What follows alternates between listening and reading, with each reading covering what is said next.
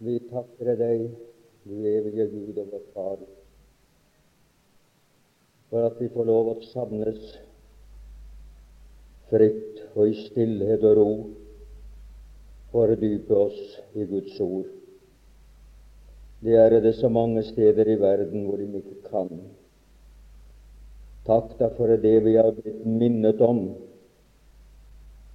hva du, Gud i Kristus, har gjort for oss. At du gikk så dypt som ingen kunne måle, og du var så tung en byrde som ingen er i stand til å fatte, og du fullførte et verk som er så grundig at det strekker til for tiden og evigheten. Signer du ordet som er blitt lagt på mitt hjerte for kvelden, at det må bli oss alle til gavn og deg til ære. Det ber vi, o Gud, i Jesu Kristi navn. Amen. I går aftes var vi jo ganske mange samlet. Men i kveld er det ikke så særlig mange. Jeg håper ikke at noen tok anstøt av det jeg sa. Vi har jo talt om salmer som stod i forbindelse med Jesu Kristi død. Den 117. salme, hvor jeg påpekte første aftenen særpreg ved denne salmen, og også påpekte på hva måte den ble benyttet, og skulle jo også ha gått ganske dypt inn i men med hensyn til dens budskap. I går dvelte vi da ved den siste sang som Jesus sang her på jord, og det var sangen, den siste sang i det, den serie av sanger som ble sunget under påskehøytiden, som kaltes Det store Halel eller det store halleluja. Vi, og Der talte jeg om den første del av salmen. Jeg nevner det for dem som ikke var. Og jeg påpekte at den første del, hvor det Herren sang om her, sitt folk, om Herrens folk Og Der påpekte jeg fire ting. At Herrens folk var et tilbedende folk. Og det de tilbad Herren for, det var for Hans nåde og for Hans godhet. Eller for Hans gode og også Hans nåde. Men at Herrens folk var også et meget ulikt folk. Men det var felles i dette at nåden var blitt stor for dem, og at Herrens gode dekket alle deres behover. Jeg gikk så over til et tredje avsnitt og det var at Herrens folk hadde mange opplevelser. Og jeg påpekte flere opplevelser tatt ut fra avsnitt. Og den siste ting jeg nevnte, det var at Herrens folk hadde fått det beste som overhodet kan fås i denne verden. De hadde fått Herren og alt med Ham for det er jo slik at Han som ikke sparte sin egen sønn, men ga han for oss alle, hvordan skulle Han kunne annet enn gi oss alle ting med ham? Der var forskjellige tider, ting jeg påpekte der. Og det er virkeligheten dersom vi blir i Kristi ord, så er vi sannhet, i sannhet hans disippel. Den side må ikke forties. Om verden vil bare høre om Gud er kjærlighet. Det er så, da. Det vil det. Men Herren vil ha et folk som ligner ham, og det må omtales. Og det behøver man ikke å famle i viten, det har man hele Skriften som påpeker det. Det jeg nå i denne kveldsstund skal få lov å tale til dere, jeg skulle vært, det var den siste del av salmen. Jeg skulle ha tatt talt om, og det var bilder som talte om Herren. Det er den slutningsfasen av den 118. salme. Men jeg har vært i byen og har ikke fått tid til å fordype meg nok i den, så det måtte bli utsatt. Men jeg har blitt stillet overfor en salme, og det er den, en del av den 23. salme. Kjernesalmen i Salmenes bok par excellens. Og vi skal ikke lese hele salmen. Vi skal bare ta med noe det som gjelder mitt emne, den 23. salme. Og det er det fjerde vers. Om enn jeg skulle vandre i dødsskyggens dal, frykter ikke for ondt, for du er med meg. Din kjepp og din stav, det trøster meg. Det er det fjerde verset i denne salmen. Det kan hende jeg kommer til å ha noe mer å si om denne salmen. skal vi få noe mer av. Men dette skal vi ha nå i kveld.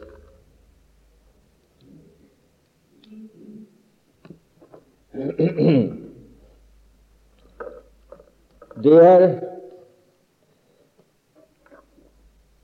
budskapet om dødsskyggens dal som her er lest. Selve evnet er ikke oppløftende. Dødsskygge. Det er ingen som er glad i døden. Men livet og skyggen setter man ikke så stor pris som lyset. Men i denne salme ut fra det, hele dette verset har jeg lyst til å påpeke kan hende fire forskjellige ting. Eh, nemlig hva det er som forårsaker skygge, og anvende det på det åndelige området. Men er jo en tale om en dal, for hvilken dal kan det være? Og er det en dal, så er det da noen ting i dalen. Hva finner vi i dalen? Nå Den siste ting jeg vil si noen ting om, det er hva finner vi på den andre siden av dalen, når vi kommer ut av det. Det er logiske slutninger, hvis man tenker og tenker logisk. Og Guds ord er logisk, og Han vil at vi skal forstå det logisk fornuftig. Og med hensyn til det første hva som forvolder skygger i dalen Jo, det lys som stenges ute, for det bevirker skygge. Lys som stenges ute.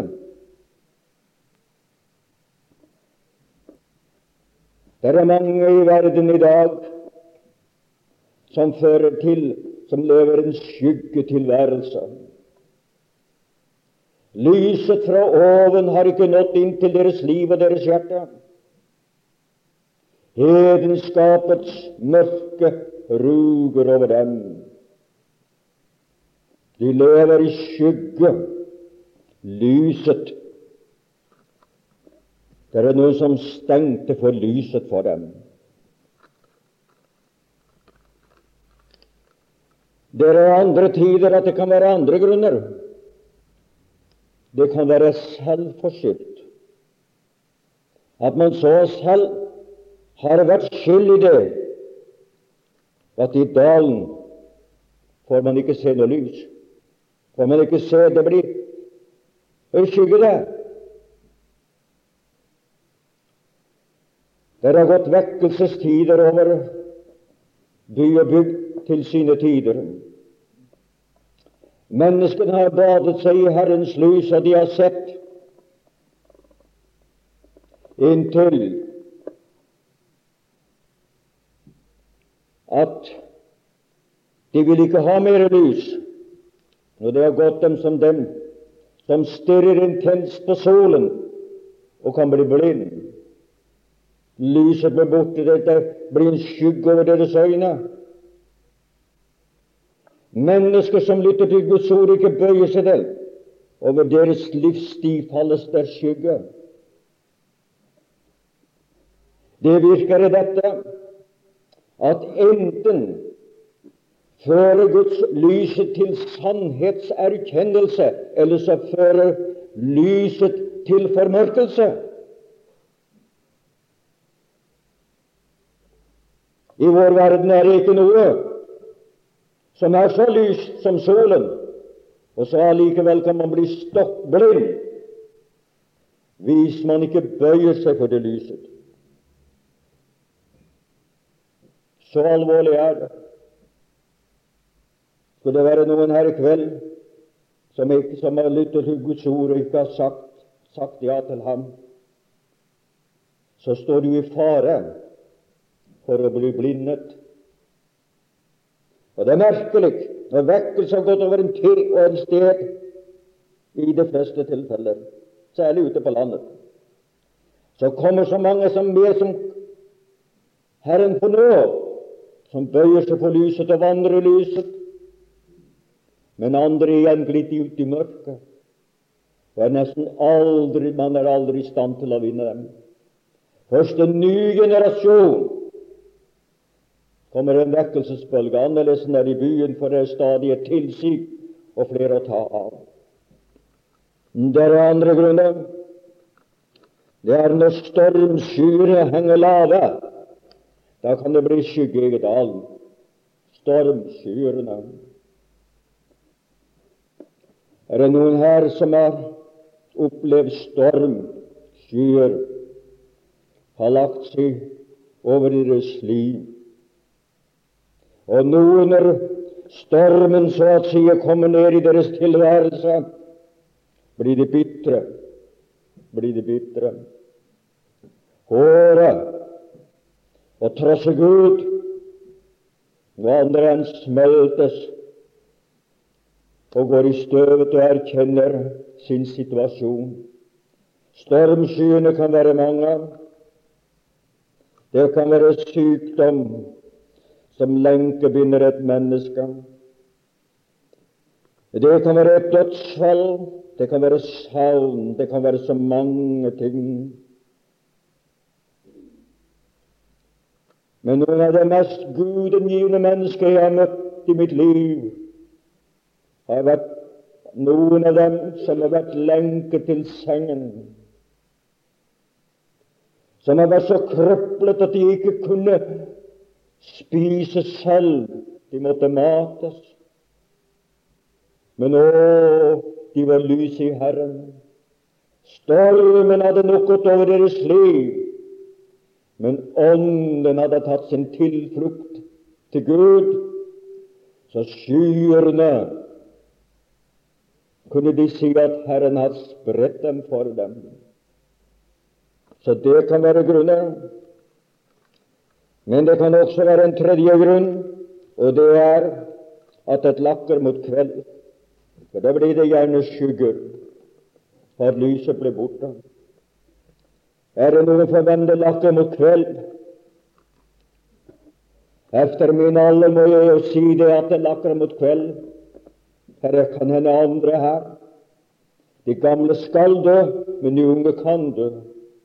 Du vet ikke hva tid det blir kveld i ditt liv. Har du sagt ja til Jesus før natten kommer, at det blir mørkt på alle? Og mange er det ikke som har gått inn i denne evige mørket? Det var ikke alene de har lys, men lyset gikk over til skygge, og skyggen gikk over til mørke, og så var det natt. Slik var det for Julas. Han gikk ut, og det var natt.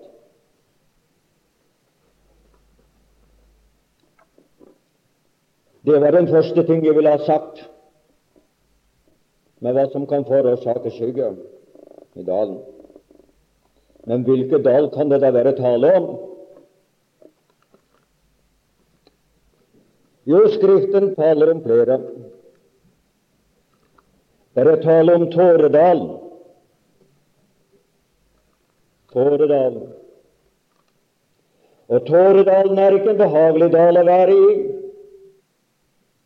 Men Skriften forteller at det, at det var noen som gikk gjennom Tåredalen, og de gjorde det til en kildevann. Tåredalen. Det er merkelig hvordan at livets tilskikkelser kan virke forskjellig på menneskene. Men den som har fått tak i Herren,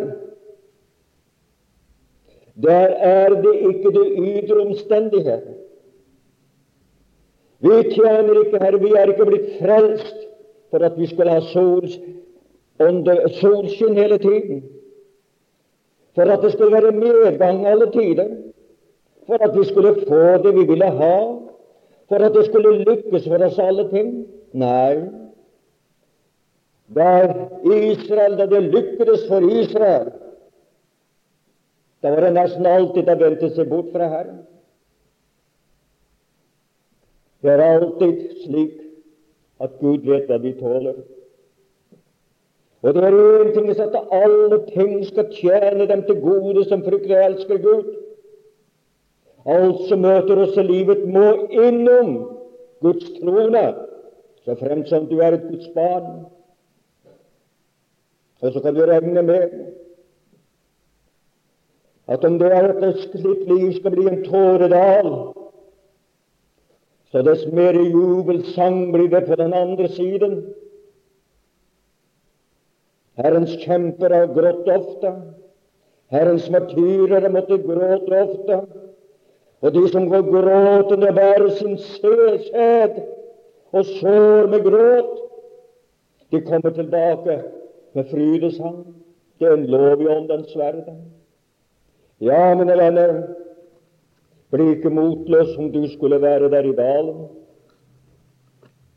Herren har noe bedre for deg lengre frem. Det er også dødsskyggens dal.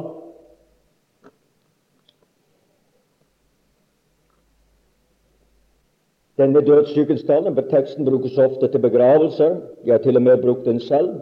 Men eksegetisk, tolkningsmessig sett, så er det jo er det under livet at man går gjennom dødsskyggens dal. For det er herlige ting etterpå som hører til livet, som nevnes etter at man har kommet ut. Og det skal vi berøre litt her.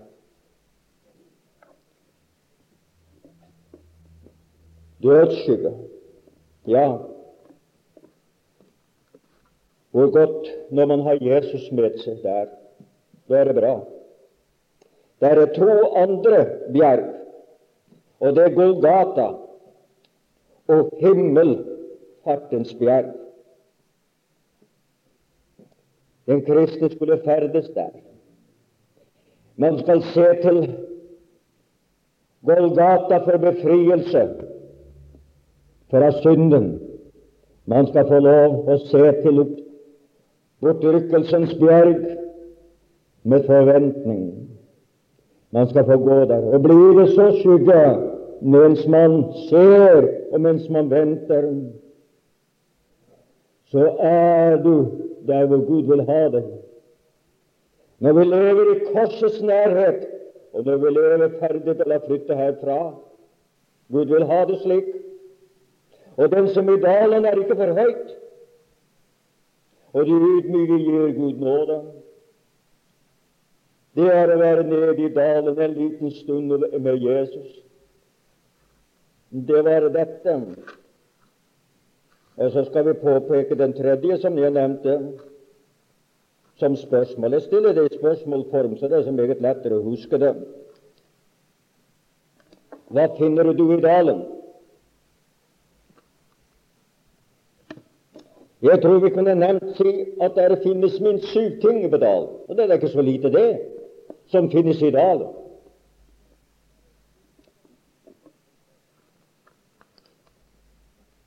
Det er skygge i dalen. Det er sår i dalen. Men dødsskyggen, men dødens skruv har Herren tatt på seg For en er død for alle, og derfor er alle døde. Skyggen er blitt igjen. Og er godt å vite det, at dødens bitterhet og dødens brodd og dødens straffelse at han smakte den, og det var den evige død han smakte.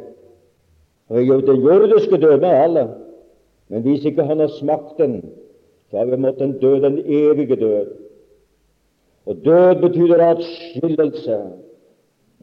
Alltimelig eller gjorde det alminnelig tale om død, så er det at menneskeånden skilles fra menneskelegemet. Det er ånd og legeme som skilles av. Åndelig død, det er et skill mellom Gud og deg. Og evig død er en evig atskillelse borte fra Herren. Han har tatt dødens brodd. Kristus er dødens beseirer. Død, hvor er din brodd? Helvete, hvor er din seier? Gud være takk som gir oss seier ved Jesus Kristus. Der har vi det. Seierherren på Golgata. Nok er det den siste fiende, men Kristus er med oss når vi møter den siste fiende. Og det er godt. Men for annet er det lys i dag. Der kan ikke være skygge uten som at der er, der er lys. Er det ikke lys, så er det mørke. Men hvor det er skygge, der er det lys. Men det er begrenset lys. Det begrenses lys.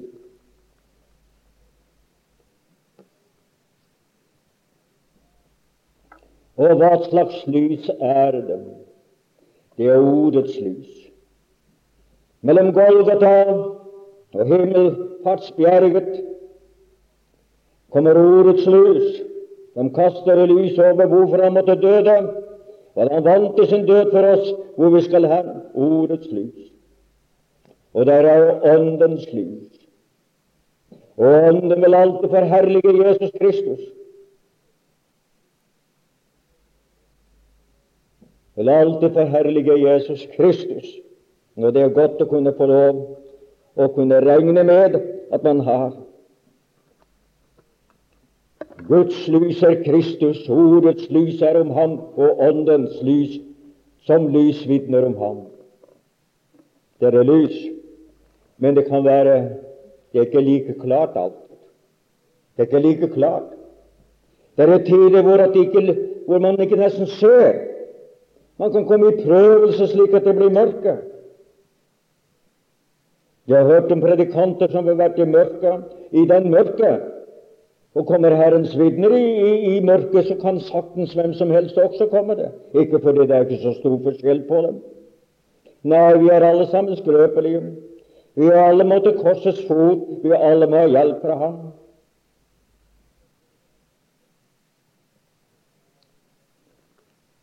Jeg var en predikant som var i sånn åndelig mørke. Jeg kunne nevne hans navn, og kan hende han var kjent. Men det er enkelte ting som jeg ikke husker så godt. Og da vil jeg altså ikke risikere å komme til, til å si noe om ikke som jeg helt kan. Men jeg skal fortelle det jeg husker. Han trodde at han hadde gjort Herren imot slik at Herren var vred på ham, og at det var ikke noe håp for ham at han ville gå fortapt. Stillingen i nåden har ikke vært riktig klart for ham. Og det var mange som talte, mange som talte med ham, men det hjalp ingenting.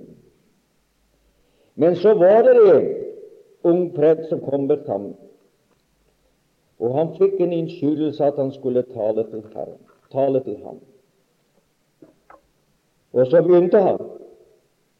Ja, det er mørkt for deg. Ja, det var veldig mørkt for ham. Ja, var det? Ja, det kan jeg. Nei, sa han, det er jo heller ikke så merkelig, det. Eh, du har jo ikke vært så varmhjertet som det skulle være. Og så begynte han å fortelle akkurat den, den stikk det motsatte som Guds ord har sagt. og sa den ene ting etter den andre som den der gamle Herrens vitne visste det passer ikke. Og så plutselig ble han nykjær. Sånn, du taler ikke rett om Herren. Alt det du sier der, det passer ikke. Det står skrevet slik, det står skrevet slik, det står skrevet slik. Og da han var for det ikke som brukte presset på det, og han ble mer og mer ivrige. Ja, sa han, du har visst rett der, men det er selvfølgelig det gjelder jo ikke deg. Da gikk lyset opp. Da følte han sin fri. At det er ikke noen person som ser sånn som det står i den engelske nye oversettelsen. Gud har ingen favoritter. Ja, det er godt han ikke har det. Han har bare dem som han har kjøpt med sitt blod, som han elsker. Og godt er det. Lyset stille ved korsets fot. Se på merkene, vundene og sårene, og du skal merke det. Det lyser inn. Det gjorde han for deg. Det er han for deg. Han lever for deg. Og godt å vite dette. Det er Lysedalen. Der er berget i dalen, for ellers skulle det ikke bli noen dal. I den gamle pakt var det to bjerger som spilte en veldig stor betydning for Israel. Det var Garesim og Ebal som Josva førte dem. Den ene kaltes forbandelsens bjerg, og den andre kalte velsignelsens bjerg. Og disse bjergene, det var på lovens grunn. Og på den ene, på Ebal, ble alle lovens forbandelser last over folket. Og til dags dato har alle disse forbandelser gått i oppfyllelse på Israels folk etter kjøret. Nesten ingen av velsignelsene ennå er kommet over dem. Men de skal komme. De skal komme. Og Garisim, når alle vels, lovens velsignelse kommer. Og hva vi får de den når de tar imot Jesus Kristus? For da blir det ikke Guds vilje til dem, men da blir Guds vilje i dem som virker ut av.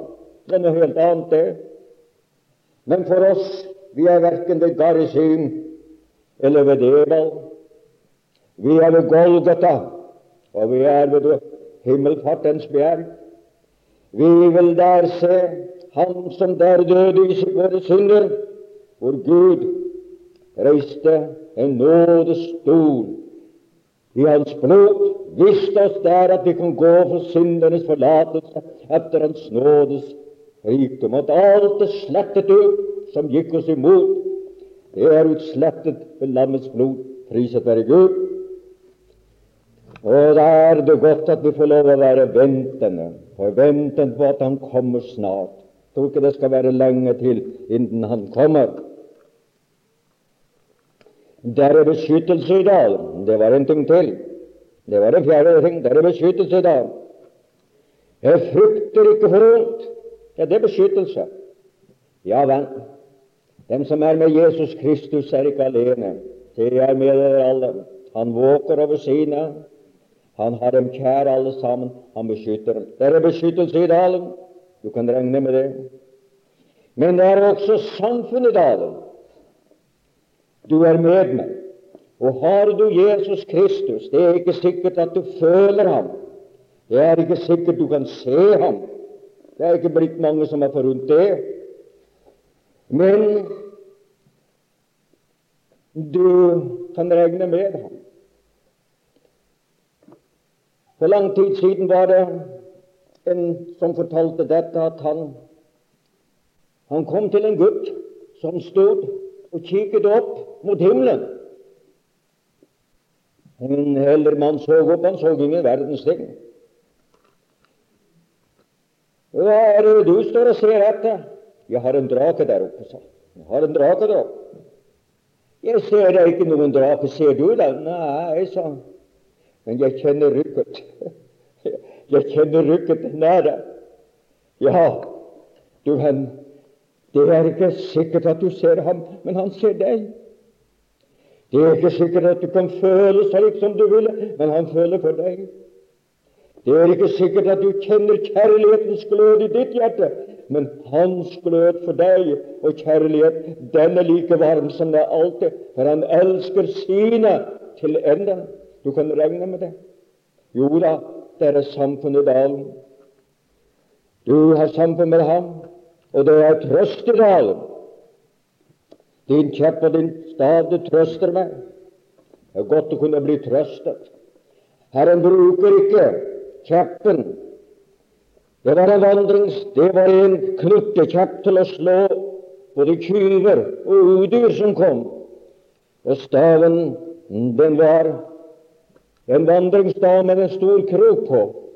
Og når hun måtte gå gjennom de mørke passene som det var, f.eks. til å komme til Adulamshule, hvor David holdt seg skjult, og som ofte ble benyttet til et tilfluktssted, eller gjennomgangen fra en beitemark til en annen, så la hurden staven om nakken på lederfåret, og så gikk han igjen.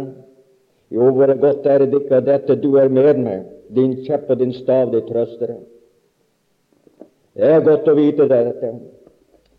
Nå vet jeg ikke jeg kunne påpekt den syvende ting, at det er kraft og styrke i dalen. Din kjepp og din stav, de trøster meg. Du kan støtte, du kan få den hjelp fra Herren du trenger. Og så når jeg behager Herren, så kommer vi ut av dalen. Går vi ut av dalen? Prøvelsens dag, fristelsens dag. Vanskeligheten, misforståelsen er forskjellige ting som kan gjøre det litt skyggefullt og gjøre litt så du kommer litt lavt. Du kommer ikke forbi det. Det hører med til livets. Da kommer man inn i lyset igjen. Ut av dalen og inn i klart lys. Det er vidunderlig, det, å komme ut i klart lys. Da kom han inn i beskuelsen av Hans godhet og Hans miskunnhet, og der er det godt å være. Og da skal du få lov å nyte alt det Han har for deg når du kommer igjen. Vær bare tro når du er i dalen, så skal du forstå det bedre når du kommer ut av dalen. Du skal få kjenne det. Og på den andre siden, der er det et dekket bord.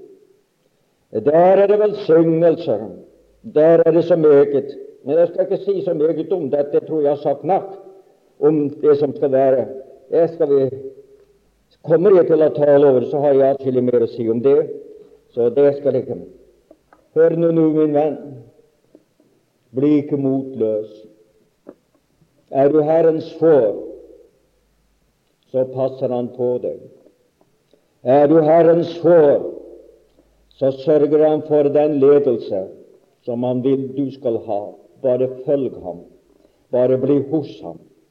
Når du forstår, og når du ikke forstår, når du ikke begriper noen ting, når det aldri så dypt, han forstår det. Å, hvor godt dere kunne få lov å ha tillit til Herren. Han tar aldri feil, og han gjør aldri feil.